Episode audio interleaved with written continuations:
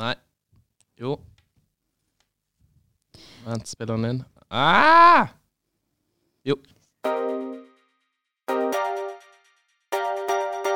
Hei og velkommen til Brukbart. Woo! I dag så skal vi snakke om eh, disse spesielle tidene vi nå befinner oss i. Eh, hvordan funker det egentlig med hjemmekontor? Eh, hvordan er det vi konsumerer det dataen, statistikken vi får eh, presentert på nyhetene?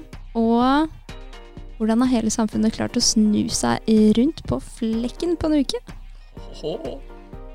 Velkommen til Brukbart med Simon. Over tide! Bare, er jeg ferdig der? Ja. Så, Martine, hva har skjedd siden sist? Eh, ikke så veldig mye. Rart, det. Etter koronaepisoden vår eh, forrige gang, så har jo alle blitt satt på hjemmekontor. Naturlig nok. Hele landet i lockdown. Yes. Det er jo veldig, veldig rart. Vi er jo i en, en slags unntakstilstand. Vi er i en unntakstilstand, det er ikke en slags. Ja, I aller høyeste grad. Hvordan går det med hjemmekontor? Nei, jeg syns det det går, helt, det går helt greit, på en måte. Det er jo litt sånn kjedelig i lengden. De to første dagene var verst. Da kjente jeg at jeg ble rastløs. Og så følte jeg at man måtte sitte liksom sånn statisk foran skjermen hele tiden. Men det er ekstremt viktig å røre på seg, drikke vann, gå ut og alt det der. Det er ikke tulleråd, det er på ekte. Mm. Jeg er veldig dårlig på det sjøl. Jeg også har jo hjemmekontor. Ja, Uh, jeg syns egentlig det funker ganske greit, det. Uh, passer bedre til døgnrytmen min, i og med at det er veldig kort å gå fra jeg våkner om morgenen til der jeg skal jobbe. Snakk om to meter. uh, så nei, jeg syns det er litt, eh, på en måte litt deilig. Og så man blir veldig Altså, jeg får produsert noe helt vanvittig mye mer. Og så er det utrolig digg at uh, uh, Ja, man har møter med eksterne og folk på kontoret, alt sammen liksom bare fra, fra pulten. mm. Vi skal snakke litt mer om det etterpå, men veldig Jeg håper, håper noen ting herfra blir værende når vi er Ja. ferdig med dette. her. ja, men det er jeg helt enig i. Det er mye vi kan eh, lære her. Ja, jeg synes Det verste er jo på en måte at når du er ferdig med hjemmekontor, at du da ikke kan gå ut og, og gjøre noe. Hadde jeg da kunnet dratt på kafé eller tatt en øl, så hadde det vært greit.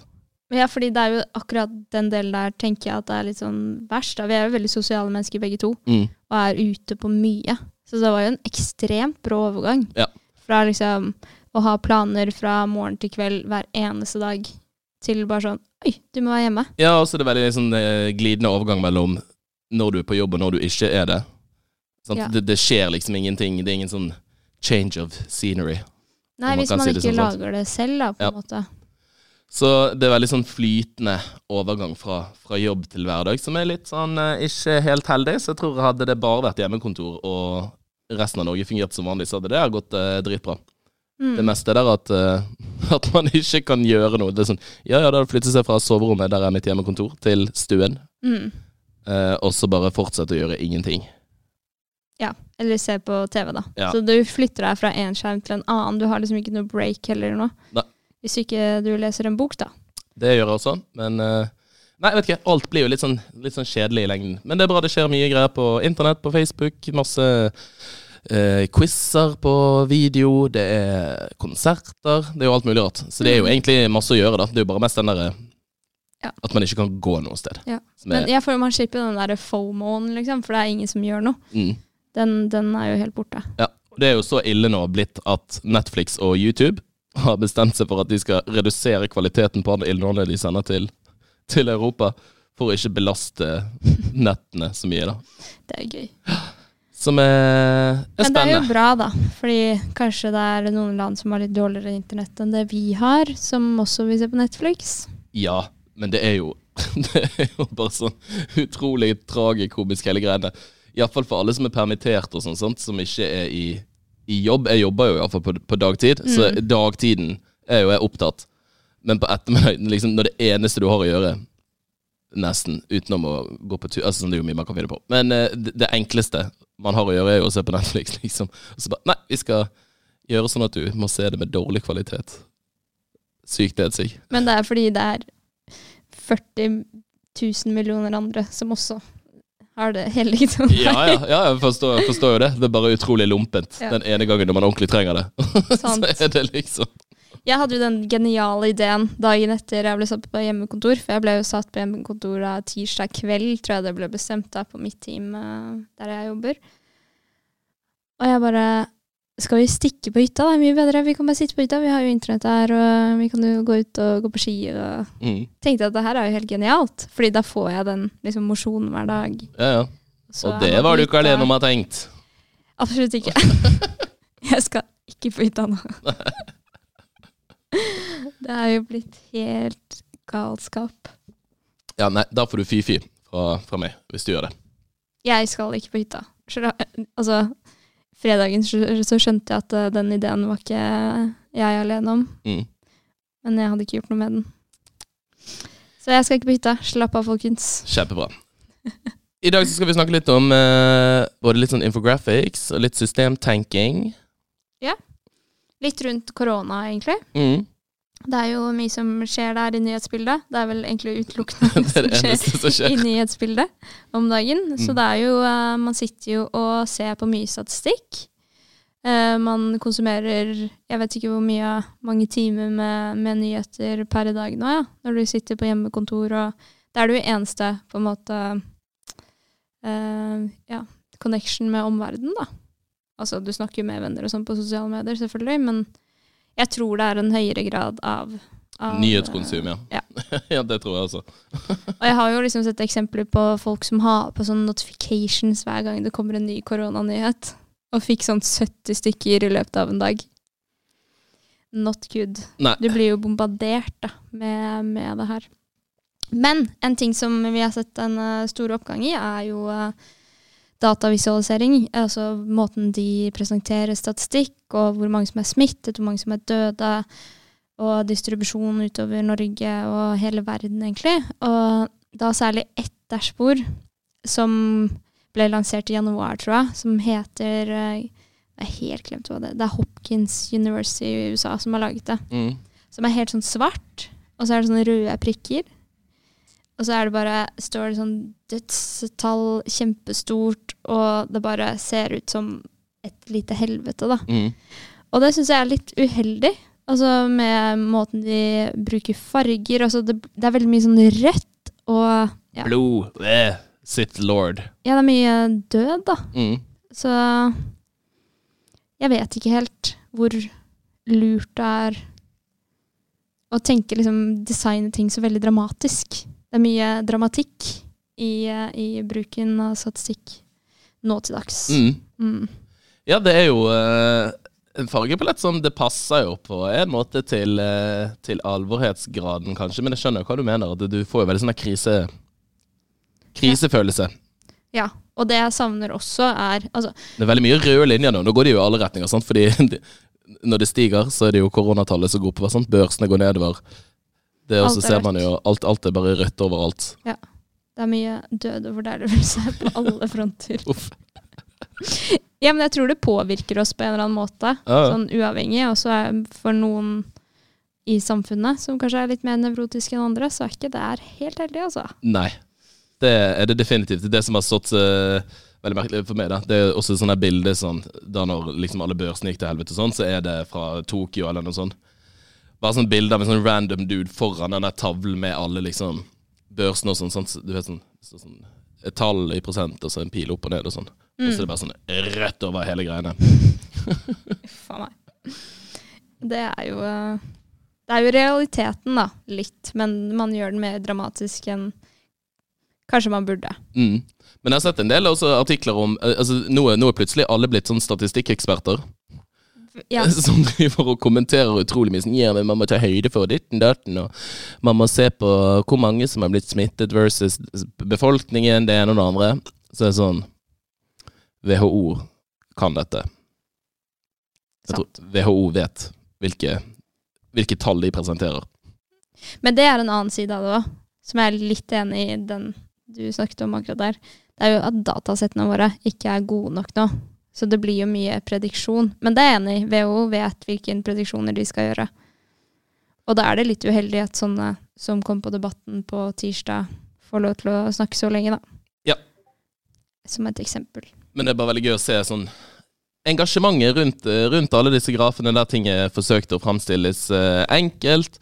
Jeg husker eh, jeg var faktisk på, for mange år siden på et kurs i datavisualisering. Og da eh, viste han et, eh, noe som er ganske vanlig å gjøre. For hvis du har eh, Altså det å vise at noe har økt, eksempel, dobbelt så mange En ting er jo når vi bare teller tall bortover, sant? Mm. men ofte altså hvis du har en, en, eh, en firkant, da, et kvadrat, og så skal du si at det har, det har økt, altså doblet seg i økning, det man ofte gjør, er å firedoble det. Fordi at det visuelt sett ser ut som dobbelt så mye. Når du tar, tar liksom eh, Hva heter det? Arealet av et kvadrat Mm. og dobler det, så ser det ikke ut som at det er dobbelt så stort. Nei. Men hvis du tar fire kvadrater ved siden av hverandre, så ser det Da ser den firkanten dobbelt så stor ut Mm. som den andre, men Mm. egentlig er det fire ganger så stort. Ja. Uh, og når man sitter og skal gjøre sånn datavisualisering, der, med mindre man kan det veldig godt, uh, så er det veldig fort å gjøre liksom litt sånne feil, da. Det har vi internt i selskapet også, sånn når vi viser på en måte salgstall, for eksempel, da. Hvis man har glemt å, å tilpasse tallene. Sant? For den ene går det fra noe man selger mindre av, sant? så går det fra 0 til 100. eh, Mm. Mens på den andre så går det fra 0 til 800. Og så setter du grafene ved siden av hverandre. Så ser det jo ut som at det er omtrent like mye, for begge to går opp til toppen.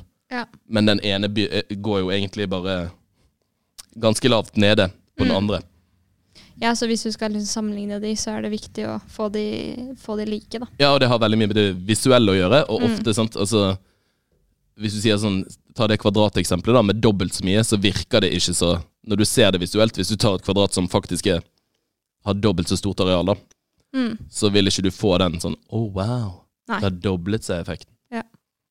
Og så har man jo sånne logaritmiske visualiseringer, men da begynner det å bli veldig sånn avansert igjen, ikke sant, for at uh, værmannsen skal forstå det. Men det er en ting du snakket om der, er jo størrelsen. Og så Det tenker jeg også med tallene man presenterer nå.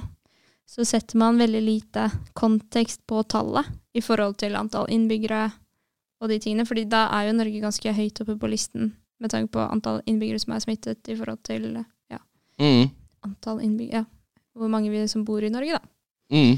Så det jeg så eh, på de store kartvisualiseringene, så har de ofte sånne røde sirkler. Og de er jo så store nå på de kartene at det ser ikke ut som det kan bli noe verre. Men det, så du har på en måte worst case scenario visualisert allerede. Ja. Selv om det kommer til å bli verre. Ja, sant. Fordi at de, de, som, de som nå ligger dårligst an, er helt blodrøde Mm. allerede, liksom. sant? Og store. Det er et veldig godt poeng. Så det er ikke veldig heldig. Nei. nei, altså, ja, nei, blodrødt ville jo vært at på en måte alle hadde det, da, kanskje, egentlig. Mm. Og så ser det ut som hele landet er fucked. Ja. Og så er det ikke kanskje det ennå. Nei. Det kan bli mye verre.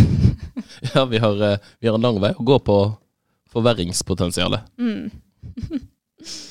og så er det å sette i kontakt, ja, som jeg nevnte, Mm. og få det i riktig Så jeg så, så et eksempel på hvordan Kina hadde sett ut hvis de hadde, hadde visualisert antall smittede versus resten av befolkningen, da. Så hadde den prikken vært veldig, veldig liten.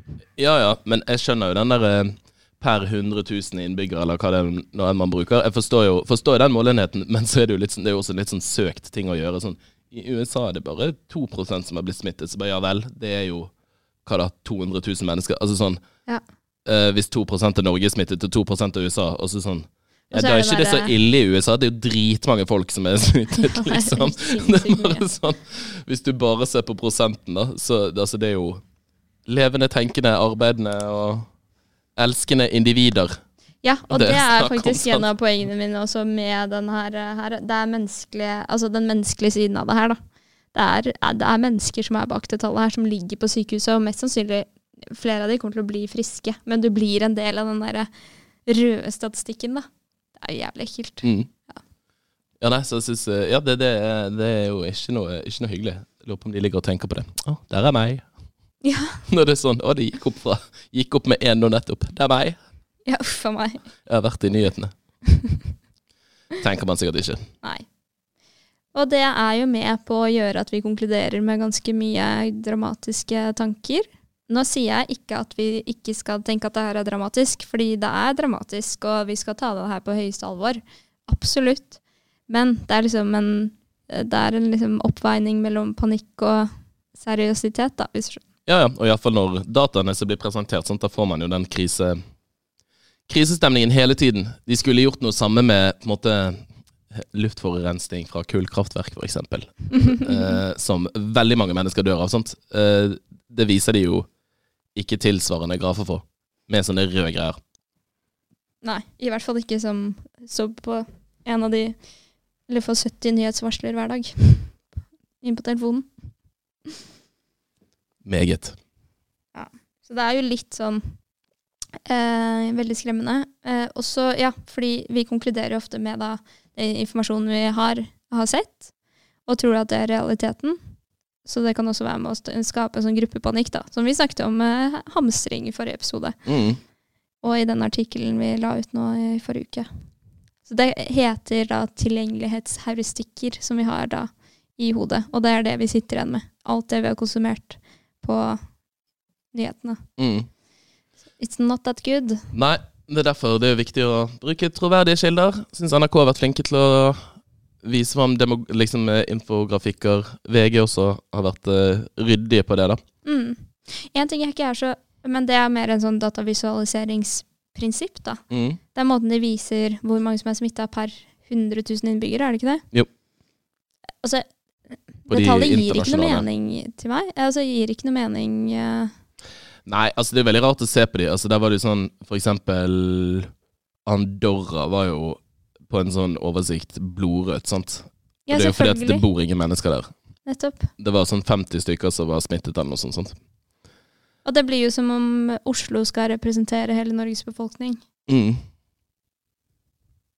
Jepp. Som ikke er så høyt, egentlig. Det er vel på fem eller noe per 100 000. Mm.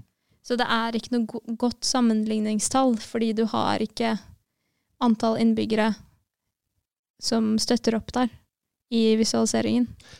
Nei. Og så tenker jeg sånn, altså For sånn uh, public health information altså sånn, Da brukes jo disse tallene til, til andre ting. Uh, og der er de jo nyttige, men kanskje ikke for sånn vanlig konsum. Mm. Eh, Og så er vi tilbake til hvor ufullstendig datasettene til folk er. For nå testes jo ikke hvermannsen, det er jo bare visse grupper som testes. Så vi er kanskje på Det er store, store mørke tall bak det her. Så hvis jeg går rundt og tenker Her er en annen side av det igjen, da. Hvis jeg går rundt og tenker at det, det er fem personer per 100 000 innbyggere i Oslo, så tenker jeg at da kan jeg jeg bare oppføre meg som normalt, egentlig. På butikken og overalt. mm. Det er flere sider av saken her. Det er det. Men uh, det viktigste er at man ikke får panikk. Bare være hjemme. Bare være hjemme og slappe av og se på, se på Netflix med dårlig kvalitet. Jeg har jo lyst til å snakke litt om eh, Altså, jeg håper jo egentlig at dette på mange måter fører med seg en litt sånn varig endring i måten vi oppfører oss på, og egentlig måten vi, vi legger opp og designer informasjonssystemene vi har offentlig. Man har merket så sykt mye nå i det siste, bare sånn Altså på Nav, de har siden 12. mars, så har de fått 185 300 søknader om dagpenger. Og 171 600 av de er pga. permittering, som jo har skjedd pga. alt dette her. Eh, så det er over 170 000 dagpengesøknader de har fått inn. Og systemene deres er jo kodet til å følge lovverket og reglene som er gitt av Stortinget og departementer og alle mulige rart andre. Så eh, helt sånne konkrete eksempler er jo på en måte bare at eh, de endret jo forskriften sånn at man skal få eh, At arbeidsgiver ikke trenger å betale lønn for permitteringen de 14 første dagene, men bare de tre første dagene. Og det går ikke an å, å behandle i Nav sine systemer, fordi at det er lagt inn sperrer på at det ikke, ikke går an. Sant? Du får ikke lov til å utbetale pengene. Nei, for du må oppfylle disse og disse kriteriene. Som Ja. er kanskje Har du vært sykmeldt i fire måneder pga. bla, bla, bla. Ja, og så har de i mange tilfeller når de må gjennom på en måte, hvis, hvis det er andre saker eller andre støtteordninger sånn som på en måte virker inn, så har de sånn tofaktor-autentisering, ne- nesten sånn som man har på mobiltelefonen. At, altså, sånn en annen saksbehandler må også se på den. Så hele liksom systemet er jo rigget, og hele liksom sånn, alle ordningene man har, og velferdsgodene eh, det, det er jo mange som har snakket om sånn universal basic income. Altså sånn jeg, jeg tror at hvis man hadde på en måte begynt, begynt på scratch med, med fokus på at dette er noe som skal skalere, det skal kunne ta høyde for at det skjer sånne her type kriser, da, så ville man, ville man gjort det på en, på en litt annen måte, eller hatt en annen tilnærming til det, og kanskje prøvd å forenkle det veldig mye mer. Eh, at du heller kan på en måte bygge på en eller annen sånn grunnordning eller noe sånt. bare en måte ting har raknet på. Man har sett på offentlig innkjøp. altså Sykehus, kommuner, de trenger jo plutselig helt vanvittig mye utstyr. Vi eh, i No Isolation selger jo annet en tjeneste som heter Komp, for eldre som ikke klarer å bruke smarttelefoner. Har fått et massivt trøkk fordi at plutselig trenger det offentlige alle disse tingene her. Eh, de har på noen dager fått endret takster på å kunne ha videokonsultasjoner med fastleger. Det, det er bare så utrolig mange ting som veldig mange startups, bedrifter, eh, personer innad i liksom eh, etatene Hvis du drar på sånn E- E-helsedirektoratet sine, sine møter, sant? de snakker jo masse om måte, integrering av ulike teknologier. Det må være lett for eh, nyetablerte å koble seg på. Eh, at ting skal snakke sammen, samhandle, at man skal kunne ha videokonsultasjoner. Alle disse tingene her har blitt snakket så mye om i, i skikkelig mange år. Og så ser man nå, i løpet av et To uker. Et, to uker, ikke det engang, sant? snakk om noen dager, når liksom hele samfunnet endrer seg, så plutselig så bare OK, vi må få Da, da bare havner alle disse tingene på plass. Mm. Uh, og jeg syns det sier bare så utrolig Men nå har man jo åpnet slusene på oljefondet, typ, da, som jo er, er litt drastisk. Men hvor mye man egentlig får til hvis man bare vil det. Mm. Og samme måte sånn Alle har vært helt sånn 'Å, gud, vi skal ha hjemmekontor', og 'Å, vi får ikke dratt på det og det møtet og hit og dit og på de og de forretningsturene'. Og så vises det for at altså sånn, man trenger ikke gjøre noe av det. Man kan sitte hjemme. Vi trenger jo nesten ikke ha kontorer engang. Sånn. Uh, selvfølgelig mye sosialt og, og hyggelig man får ut av å dra på et kontor, det er ikke det. Men bare Nei, du trenger ikke alle de turene dine. Eh, Det går an å få på plass ordninger for alle disse tingene her som man egentlig vil skal skje. Mm. Og når man får det rette presset på seg, da, da er det så utrolig lett å svinge seg rundt og bare få ting til å skje. Og jeg bare håper at mange av disse tingene her på en måte vedvarer når det er ferdig, og at vi tar oss en ordentlig liksom tenkepause. Ja. Og bare hvordan er det vi har lyst til å, å fortsette framover? Hvordan skal dette egentlig fungere? For noe sånt som det her kommer jo til å, å skje igjen. Mm. Det være seg liksom, jeg vet ikke, en krig eller en, et nytt virus, det er jo enda mer sannsynlig. Det, det vet vi jo kommer til å skje. Ja, men du, du har jo hele klimakrisen. Det her er, kommer til å måtte Altså, det kommer til å skje i fremtiden, da. At uh, folk mister jobber og sitter fast steder. sitter fast. Ja, ja, men det er akkurat det. Og det, går ikke det an å, å holde på sånn som vi Sånn som vi gjør nå, da. Men se hvor raskt på en måte samfunnet klarer å snu seg rundt, da, som du sier, i et, i et system som egentlig ikke er designet for sånne edge caser, som vi ofte kaller det, uh, kaller det her. Uh, så det er jo alle de restriksjonene som, ble, som har blitt lagt ned, og alt det der. Det kan jo skje på en måte på fly, eh, flytrafikk, og at du får liksom x antall reiser i året ut av landet, og de tingene. da Mm. at du ikke skal dra på et møte fra Oslo til Trondheim bare for å sitte i to timer og snakke med noen. Mm. Jeg vet ikke. Nei, det er bare sånn der, det er litt sånn som vi snakket om sist også. sant? Bare måten ting er designet på ute i det offentlige rom. sant? Hvor utrolig mange ting vi er nødt til å liksom ta på. Uh, alt fra liksom sånn uh, offentlige skjermer og, og bare sånn Jeg tror at etter dette her så kommer man til å måtte liksom i, i sånn, Hvis vi skal ha den fantastiske velferdsstaten som man må ha, så må man Det, det er rett og slett tjenestedesign. service Servicedesign. Altså hvor- hvordan er det vi egentlig skal Men en ting, bygge folk, opp hele dritten her, liksom. sant? men en ting hele samfunnet har lært seg nå, er jo å vaske hendene. Det har vi. Så får vi se hvor lenge, det, hvor lenge man holder seg der, da. Ja, men se på, eh, Tenk på alle de barna i barnehagene og sånn. Vi kommer jo ikke til å oppleve, oppleve omgangssyke på samme måte igjen. Nei. Neida. Jeg vet ikke. Men det er Ja, jo ja. én ting, da. Fått vanvittig bevisstgjøring rundt eh, smittevern i befolkningen, i hvert fall. Det er jo ingen tvil om. Ja, ja, fordi jeg har jo ikke tenkt på sånn som du sier at du har tenkt på hele tiden, å ta i dørhåndtak, og så tar man seg i fjeset, liksom. Det har jeg gjort.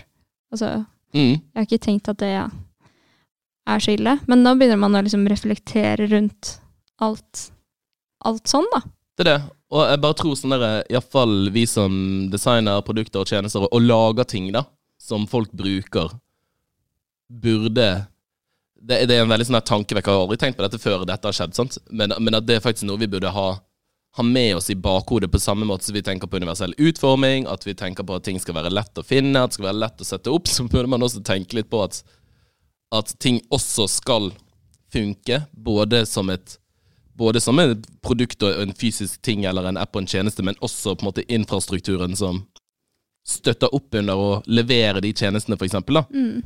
At Men det, det faktisk er- skal funke når, når ting skjer i, i samfunnet. Men det, men det der er jo spennende, det du dro opp nå, universell utforming. Det handler jo om at du ikke skal liksom designe for spesielle grupper, du skal designe for alle. Mm. Og så kommer det en situasjon her hvor du trenger den designet for absolutt alle, fordi Mm. alle er i en utsatt gruppe, på en måte. Ja. Og det har vi ikke på en måte tatt uh, høyde for, da. Nei, hadde alle betalingsautomater også hatt måte talestøtte, så hadde du ikke trengt å stå der og ta på de Nei. og få masse smitte.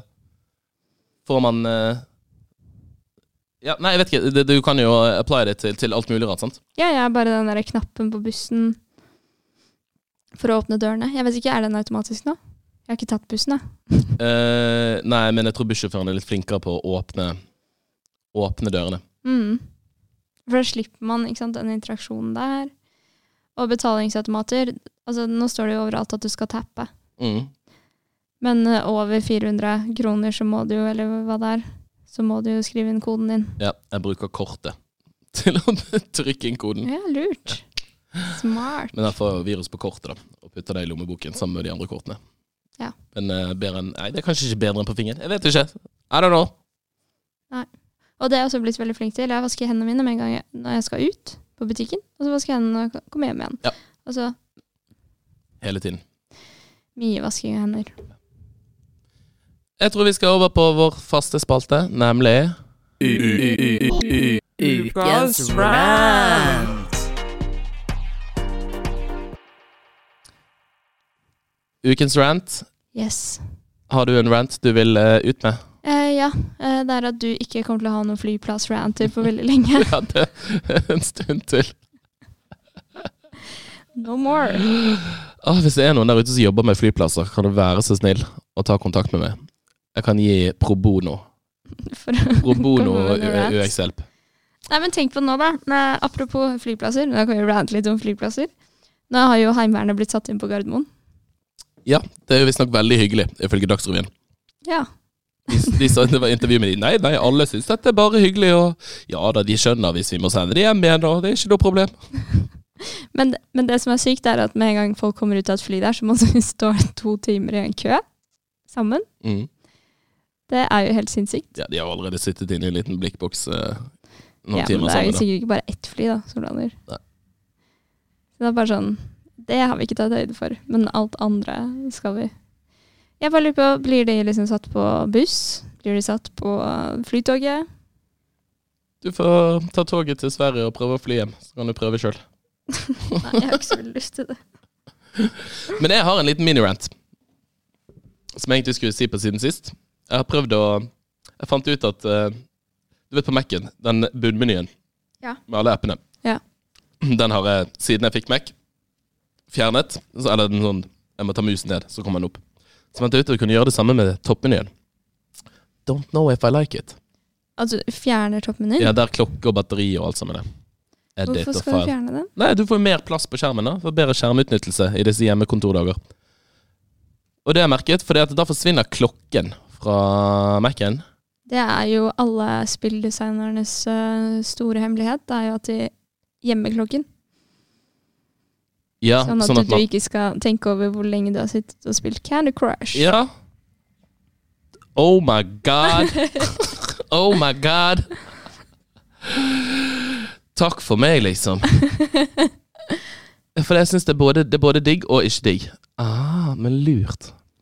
Men jeg, jeg setter også en ny app nå, apropos. Det er ikke noe lurt å gjemme klokken i disse dager. Man må passe på at man får reist seg opp, gått litt rundt og sånne ting. Så det er en app som gjør, demper skjermlyset ditt når den mener at du skal opp og røre på deg. Mm. Og sånne tidsintervaller. Mm. Som ikke er så dumt å bruke nå. Er ikke dumt. Det blir en slags pomodoro for hjemmekontor. Jeg skjønner hvor du skal hen. Mm. Så det var Hva heter tøy, den? tøy på Finn som sa, tipset om den. Åh, hva er det den heter igjen, da? Jeg skal finne ut. Ja. Så skal jeg legge den ut på Instagram. Men det er ikke, det, det er ikke så dumt å bruke det. Med mindre du sitter i telefonmøte. alt bare. Snakkes. Det går sikkert greit. Ja, det gjør nok det. Du kan nok slå det av. Men um, tips der. Det tror jeg var alt vi hadde. Det var det. Ja. Uh, så alle sammen, stay safe. Mm. Og så hvis noen har tips til neste episode, for det kommer sikkert til å være karantenetider da også, Mm. om eh, ting som irriterer deg eh, hjemme, på hjemmekontor, eller kule tips og triks. De beste appene. Og hva skal man finne på på kveldene? Mm. Hva gjør du på kvelden egentlig? Se på TV. Ingenting annet? Nei. Sitter på Mac-en. Leser.